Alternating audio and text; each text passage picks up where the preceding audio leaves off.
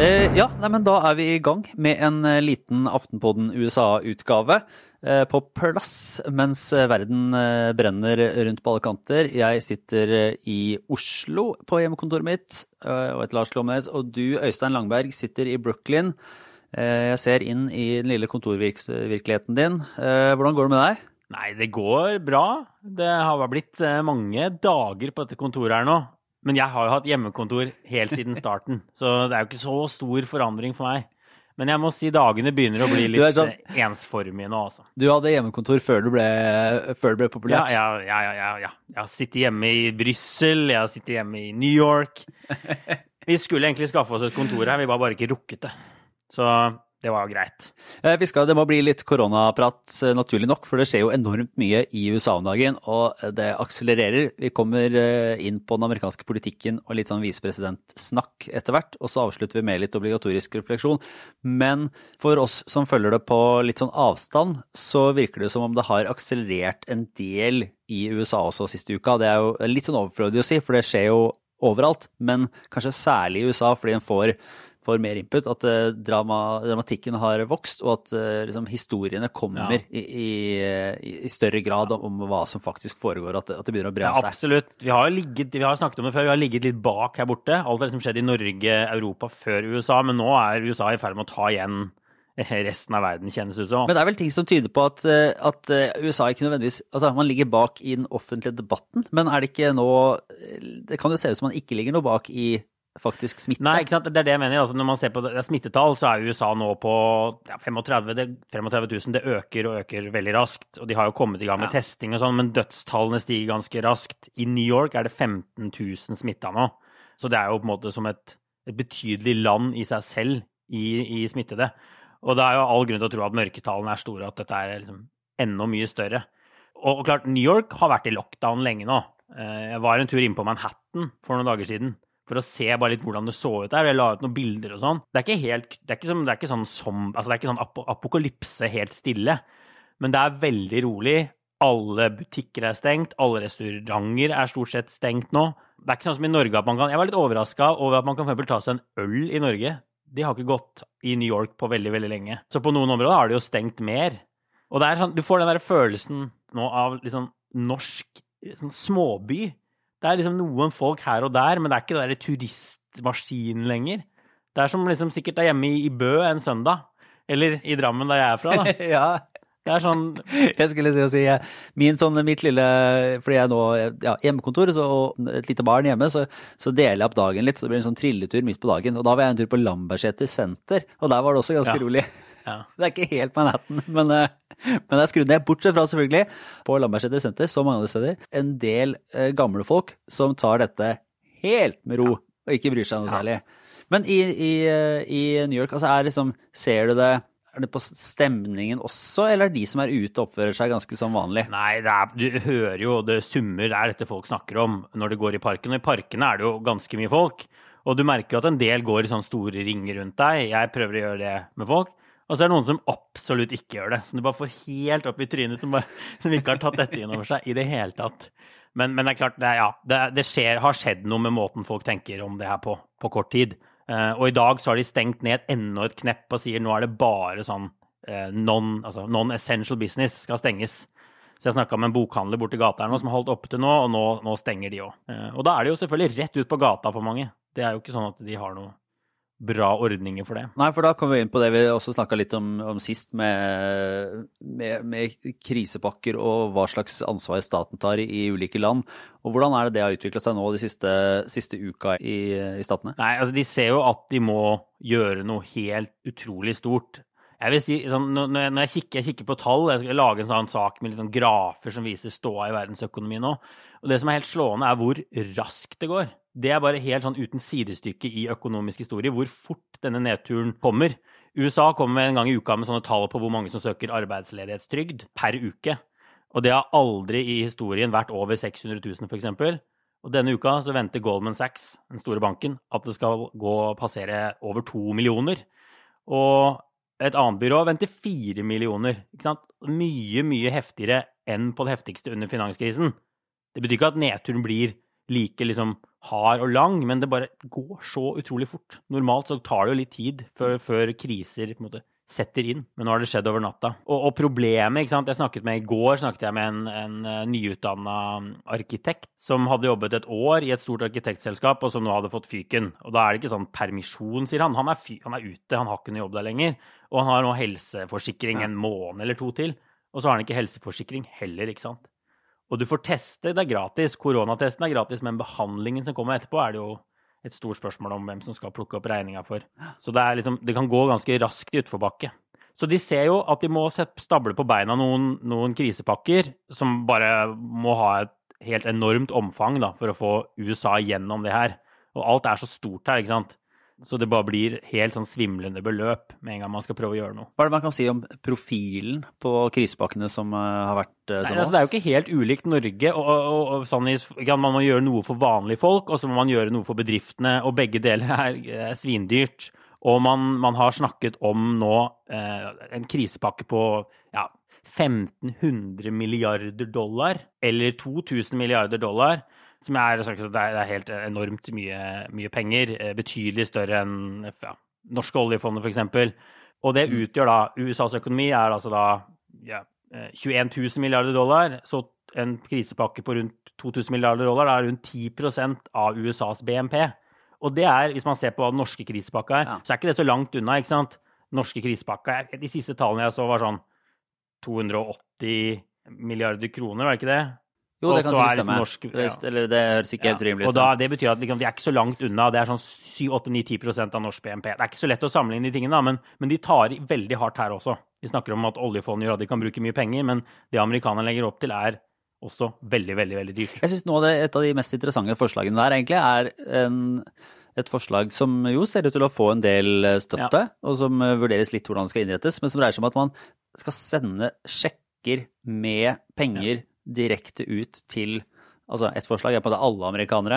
Eh, og så er det vel, eh, vel noen sånn modifiserende faktorer at ja, kanskje det ikke blir alle, kanskje det er ikke de som har tjent mest penger, og, og kanskje ikke like mye til de som ikke har hatt uh, arbeid fra før. Men en, en sånn derre du får en, en, pengesum i posten, og du får en pengesum i posten, og det skal være med å stimulere økonomien da, for å holde seg oppe. Hvordan, ja. hvordan status på det nå? Kan dette skje? Cash rett på konto. Det siste tallet er sånn 12 Altså 1200 dollar, ikke sant. 10 000-15 000 kroner.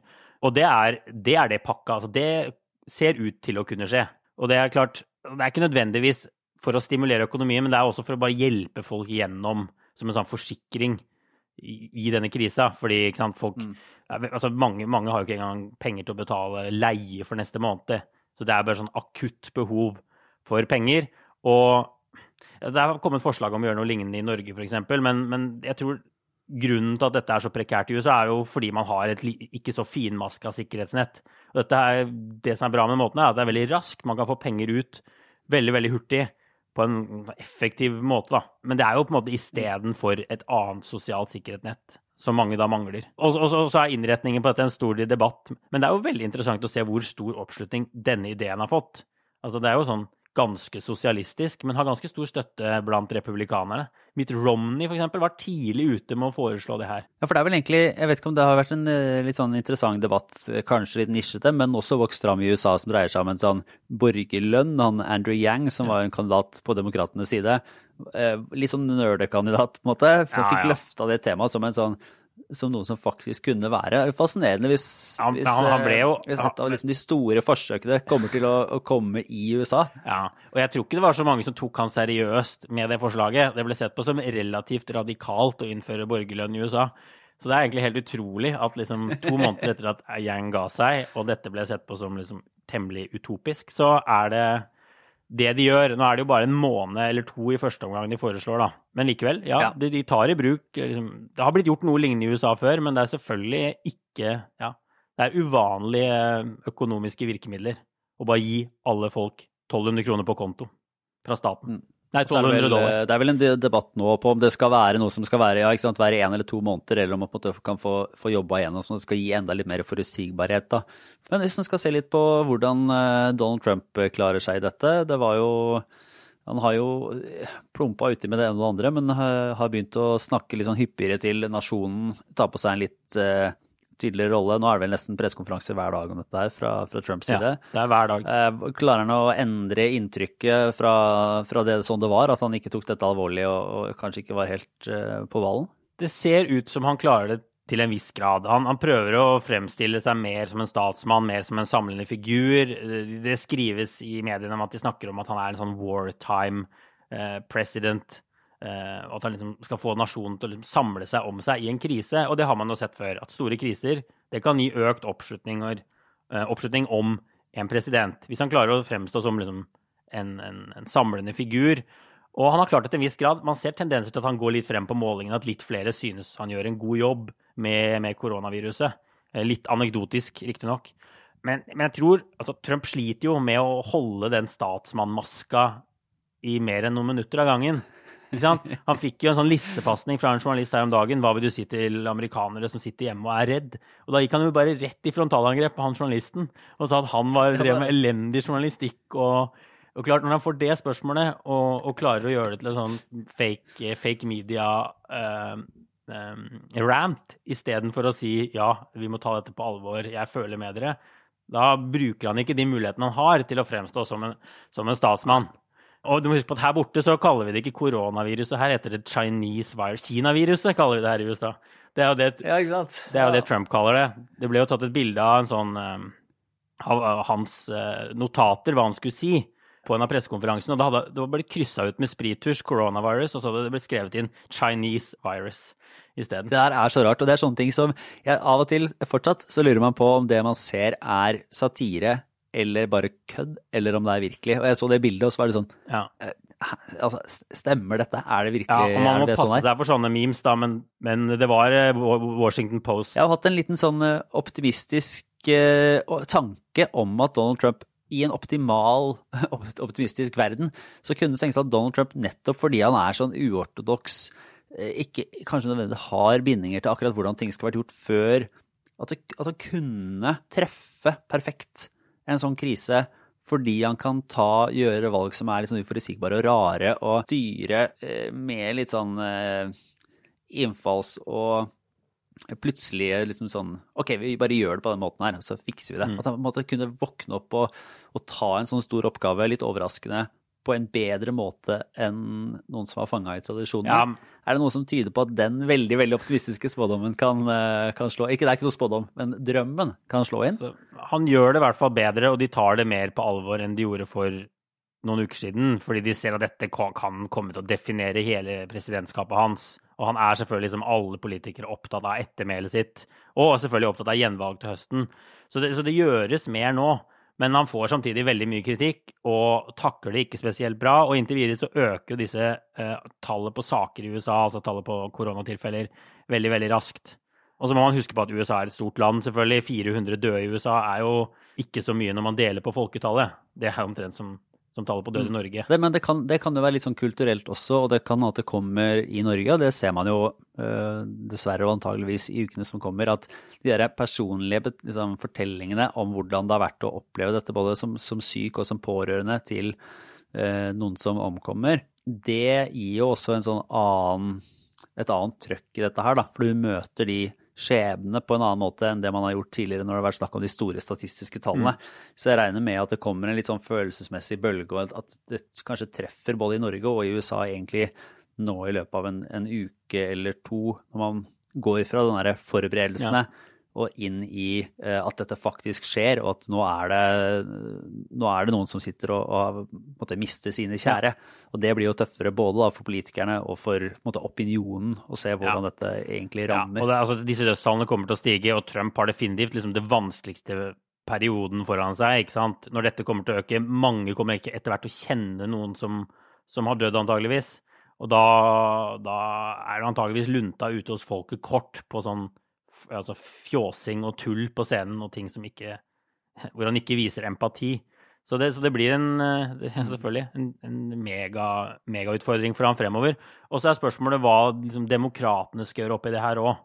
det jo, når jeg, snakker, jeg, jeg, møter folk på gata som er sykt sinte. Jeg møtte en på Manhattan som sa at Trump måtte henge som Mussolini. Det var det aller første han sa til meg da jeg spurte om jeg kunne stille han noen spørsmål. Ja.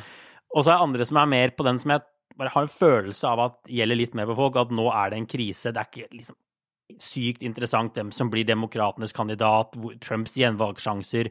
Nå, er det liksom, nå må vi komme oss ut av den krisen her. Jeg vet at blant demokratene så er det en debatt om hvor hardt de skal ta Trump nå, og hvordan det tar seg ut. Eh, eller om de skal vente litt med å ta han til, til ting roer seg litt, da. Ja, jeg så Det var jo en debatt på, på Twitter mellom to av Barack Obamas eh, måte, sjefstrateger ja. som var litt sånn uenige i dette her, på om man skulle ha en, uh, lage en, måte, negative annonser mot Trump nå for å påpeke hvor uforberedt eller hvordan han håndterte de første delene. Der, der en som heter David Pluff var positiv til å måte, Eller mente at det var helt nødvendig å å angripe nå fordi at det var en åpenbar feil da, fra, fra, Trumps side, og fordi at uh, han mente republikanerne kom til å mobilisere og, og være bruk, på en weaponize, altså bruke dette politisk hele veien. Mens uh, gamle, gamle altså David Axelrod, som for øvrig har en podkast, uh, eh, Ax-Files, ganske interessante samtaler med en del fra politisk liv. Han har også Hacks, Hacks on Tap, som er veldig interessant, hvor han snakker med en gammel republikansk rådgiver da, som nå har blitt Never Trumper. Eh, men som også har en del republikanske altså fortsatt holdninger da, om fri markeder og den type ting, som er interessant.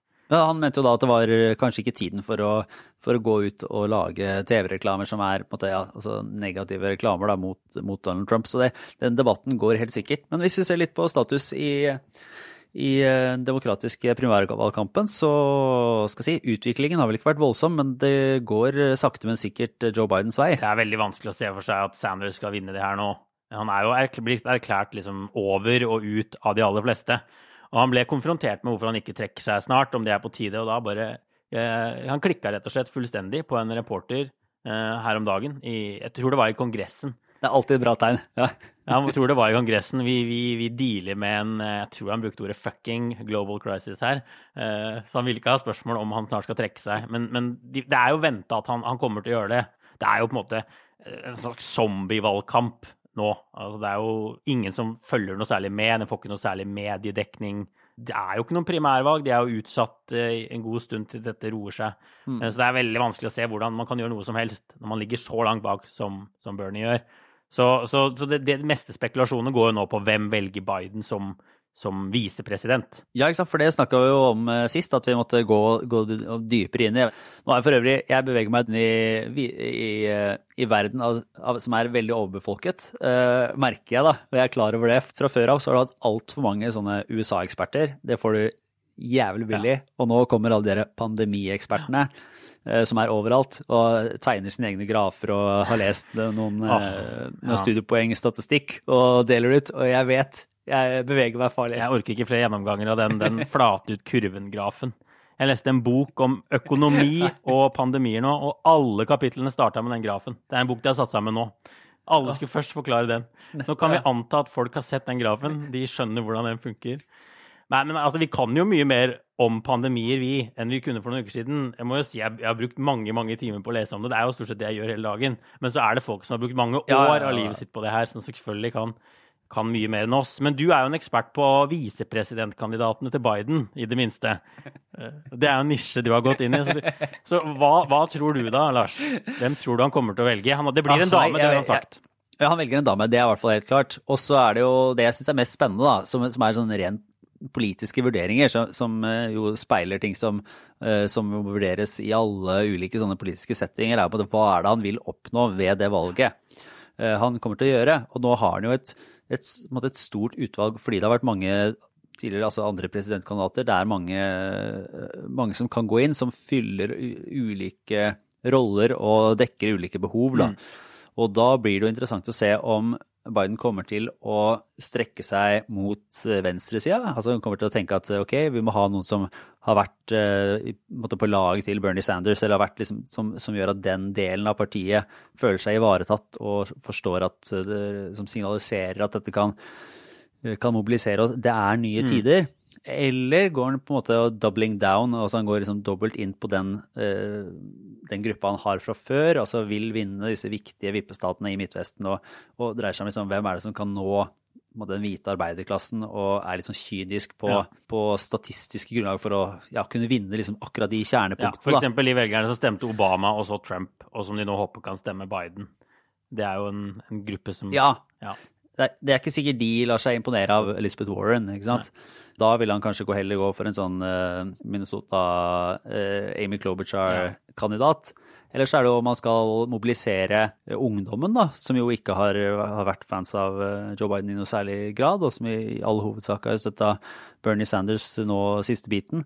Og ja, bare se hvem ja. han kommer til å gå for der. der ja, det noen, har det kommet noen drypp? Ja, Du nevnte jo Amy Klobuchar, som, som er altså, senator fra, fra, Minnesota, tidligere presidentkandidat. Som, som, og, og, hun regnes som en favoritt nå. Hun har liksom seila opp blant de som setter penger på det her. Hun har omtrent like gode odds som, som Camilla Harris, som er den andre favorittkandidaten, som også var presidentkandidat, men som trakk seg før jul. Og de to ses nå på som de heteste kandidatene kanskje folk fortsatt holder en knapp på Camilla Harris, som jo var justisminister i California i mange år. Hun har minoritetsbakgrunn, eh, så hun, hun tikker en del av disse boksene som, som, er litt viktige i Det demokratiske partiet. Hun er, ikke, hun er kanskje litt, litt, mer til venstre enn Biden. Hun prøvde å plassere seg litt sånn mellom, mellom liksom de moderate og, og, det de kaller de progressive. Da. Så hun, liksom, hun, hun, er en ganske sånn bra designa kandidat. Eh, men så har hun selvfølgelig noen drawbacks. Og så var hun veldig treig med å støtte Joe Biden.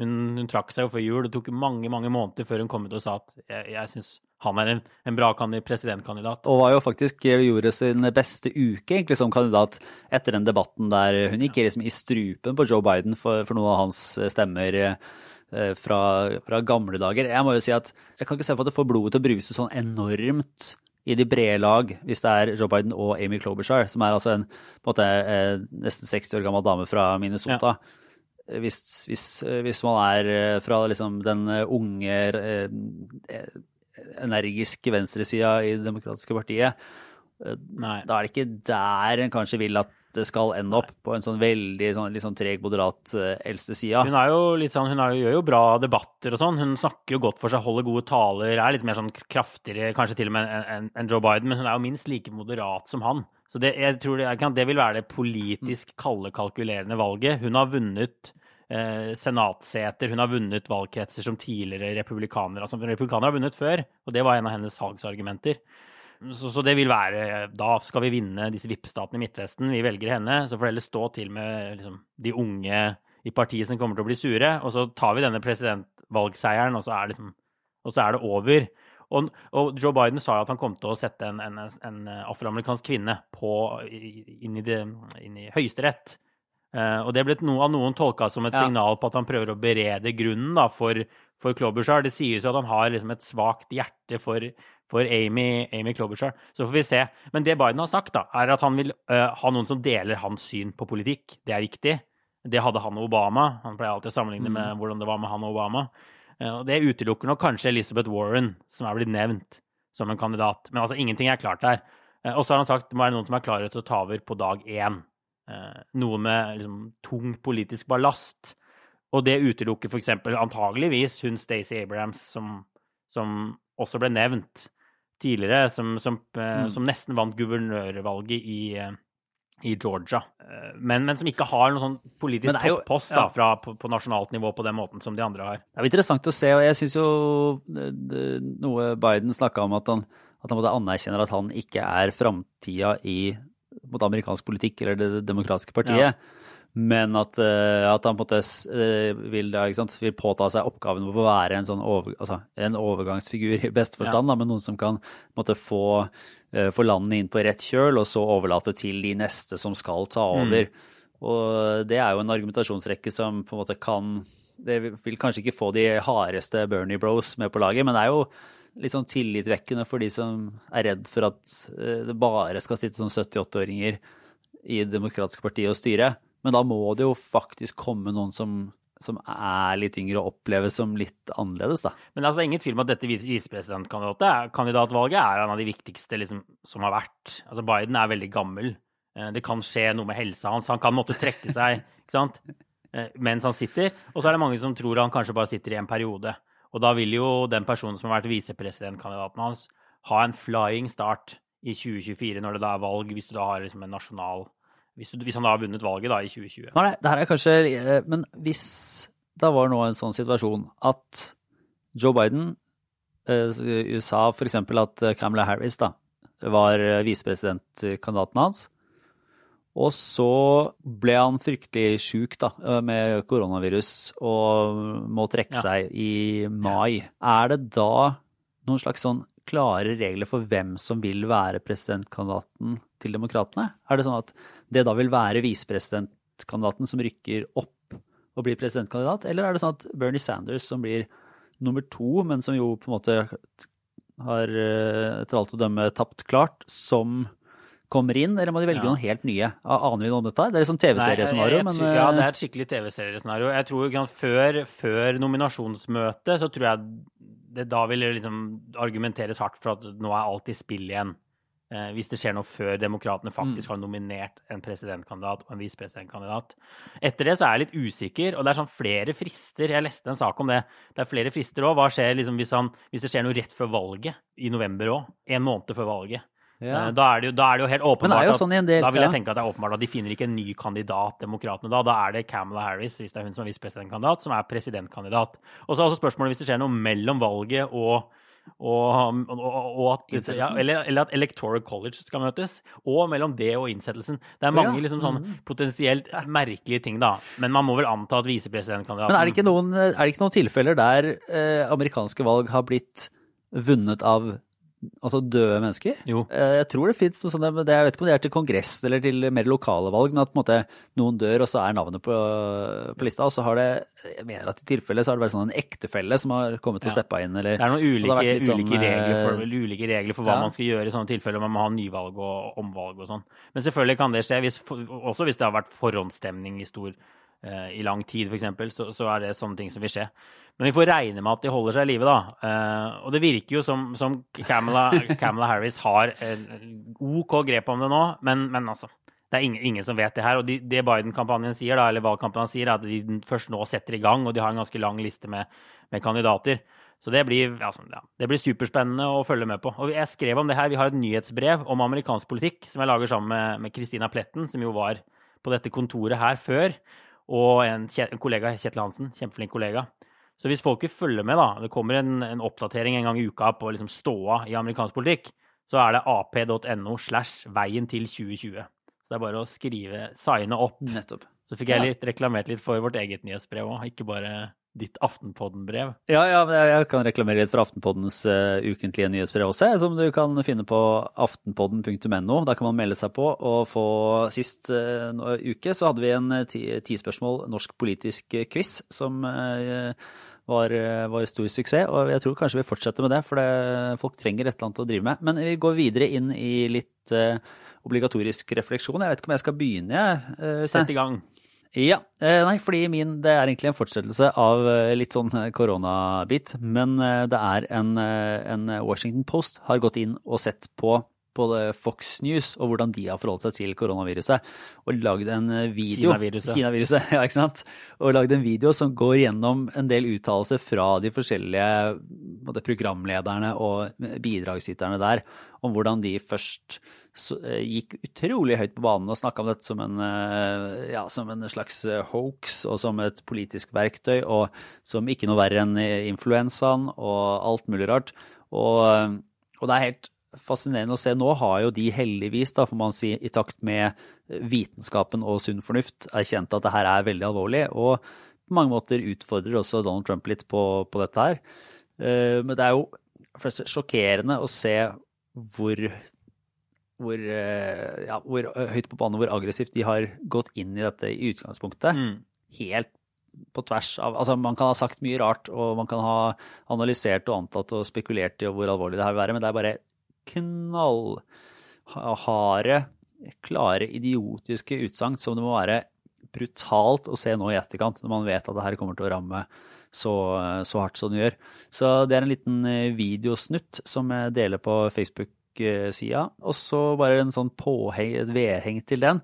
Så er det litt interessant å se om Fox Om de lukter liksom de værer en sånn derre stemningsskifte eller et værskifte i opinionen, sånn som de av og til kan gjøre, og utfordrer Trump på den håndteringa av, av viruset. Mm. Om de på en måte ser at uh, det her kommer til, være, det kommer til å være helt uholdbart for dem å stå og være en heiagjeng for Donald Trump sånn som det her utvikler seg, og dermed legger om dekninga og blir mer kritiske. Det, det, vet vel du bedre enn meg, Øystein, men er det noe som tyder på at det kan skje? Altså, igjen så er vi litt tilbake til det vi snakket om i stad, at man kan ikke løpe fra virkeligheten i den saken her. Dette er ikke en krig i et helt annet land som man kan framstille som man vil. Hvis du kjenner folk som har dødd, så er det klart at mm. du kan ikke sitte og si noe annet på TV på en måte enn at, det er, at dette er alvorlig. Så det er også veldig vanskelig å løpe fra, fra denne krisen med, med tweets og, og, ting. Men klart det de kan si, er jo lage, De lager allerede sammenligninger med andre land. Andre land har håndtert det dårligere. Eh, det de alltid forsvarer seg med, er at Trump stengte ja. grensene til, til, Kina tidlig. Eh, og det stemmer jo at han gjorde. Men man, man kommer liksom ikke likevel ja. unna, og det kan godt hende det var riktig, men man kommer jo likevel ikke unna at det nå er 35, snart 40 000 tilfeller av korona i USA. Det er på en måte der de må gripe det an. Men ja, det blir veldig veldig interessant å se. Man ser det samme i Storbritannia, og brit, britiske aviser støtter jo ofte liksom, Konservative aviser støtter den konservative, støtter den konservative statsministeren, men de kan også snu rundt, sånn som de gjorde med Theresa May på et tidspunkt, og da har de ikke så lenge igjen å leve. Og du, Øystein? Nei, altså Jeg var jo og så Hamilton-musikalen, som jeg fortalte om på podkasten for noen uker siden. Som jo handler om USAs liksom, grunnleggelse uavhengighetserklæringen, disse tingene. Og så har jeg blitt litt sånn der, Jeg har mye tid hjemme nå. Så jeg tenkte dette må jeg lære litt mer om, hvordan dette landet som jeg bor i, ble til, og ikke lenger var en britisk koloni. Og så jeg, brukte jeg litt tid på å google hva er laget av gode filmer eh, og TV-serier om dette, disse første årene til USA. Og så er det ganske utrolig, men det finnes nesten ingenting bra som er blitt laget. Jeg leste en god del sånne pod, altså gjennomganger på blogger og sånn, de fleste konkluderte med er liksom interessant tema, elendig film. Interessant tema, dårlig serie. Og, og, det er egentlig helt utrolig. Så patriotisk og så mye tid USA bruker på founding fathers ja, og landsfedre. Så, men til slutt så fant, fant, jeg ut at det var en slags konsensus om at denne John Adams-serien, som kom for en stund tilbake, var liksom mulig å se, da. Den var helt grei. Verdt å bruke ja. litt tid på. Og den er du i gang med nå, eller? Ja, nå har jeg sett tre episoder, og jeg er enig. ikke sant? Den har en del fine elementer i seg. Man kunne gjort ting bedre der òg. Eh, helt åpenbart. Men er det, at, er det, at, eh, man blir sånn, er det for ærbødig, eller er det noen slags eh, teorier på hvorfor det ikke går an å, å dekke det på en ordentlig, ordentlig god måte? Nei, altså jeg tror det er mulig å, å, gjøre, å gjøre, det bra. Men klart, for det første så er det jo det er jo, det er jo kjærlighet og krig, selvfølgelig etter hvert. Men det er også veldig mye sånn teknikaliteter. Ja. Det er denne liksom Continental Congress hvor disse statene møttes og kranglet og begynte å skrive uavhengighetserklæring og sånn. Det er jo ganske teknisk. Uh, sånn mange mange dager ja. fra Eidsvoll er ikke sikkert sånn akkurat hvordan de endra ordlyden på ting. Og, så, så, så, det er mulig at de liksom fester seg litt for mye i sånne, sånne tekniske ting. Så jeg vil, si, jeg vil, si, verdt å bruke tid på nå har folk mye tid hjemme hvis de er interessert i måte, USA og de første årene. Og så er min anbefaling at det må lages bedre Det må lages kunst av uh, USAs skapelse ja. Var, nå, det her har jeg fra et eller annet sted som jeg ikke helt husker, men det var jeg tror det ble Riksarkivet, ikke Riksarkivet eller noe, for de gjør jo alltid veldig mye eh, morsomme sånne historiske ting. Så var henta ut en sånn oversikt over hva de som satt på Eidsvoll, altså forbruket deres, da. Og der gikk det unna liksom, hvor mye de drakk, og hvor mye de spiste, og det var liksom eh, Det var, det var en litt sånn derre Mad Men-drikking-greia. Der, der bare Dette det går ikke an å drikke så mye som Nei. Eh, de gjør i Mad Men gjennom hele dagen. Eh, og det kunne se litt sånn ut på den opptellinga av eh, flasker med konjakk og ulik, ja. ulik, vin fra Eidsvoll. Det er helt sikkert masse gøy man kan gjøre med Eidsvoll òg. Både Eidsvoll og det her. Så jeg bare venter på en svær, episk TV-serie om, om, det her. Jeg gleder meg. Bare å sette seg og skrive manus. Ja. Eh, nei, ja. Ja. ja, men jeg tror vi runder av der, Øystein. Altså for å ha eh, lykke til borti USA nå, enten du blir eh, værende litt i, eh, innelåst på, i Brooklyn, eller du eh, kommer deg hjemover til Norge, det får vi jo se på. Eh, vi er tilbake på torsdag med vanlig norsk Aftenpodden. Da er Trine og Sara med også. De forrige par ukene så har det vært litt såpass travelt at vi ikke har klart å spille inn før godt utpå kvelden. Det er visst et eller annet sånn beredskapsarbeid de holder på med både i Aftenposten og NTB om dagen som gjør at det er litt småvrient. Men eh, vi prøver nå i hvert fall å få det ut innen fredag morgen, og da håper vi folk hører på der. Takk, takk, Øystein. Ha det bra. Ha det bra. Ha det bra. Jeg var Lars Klomnes.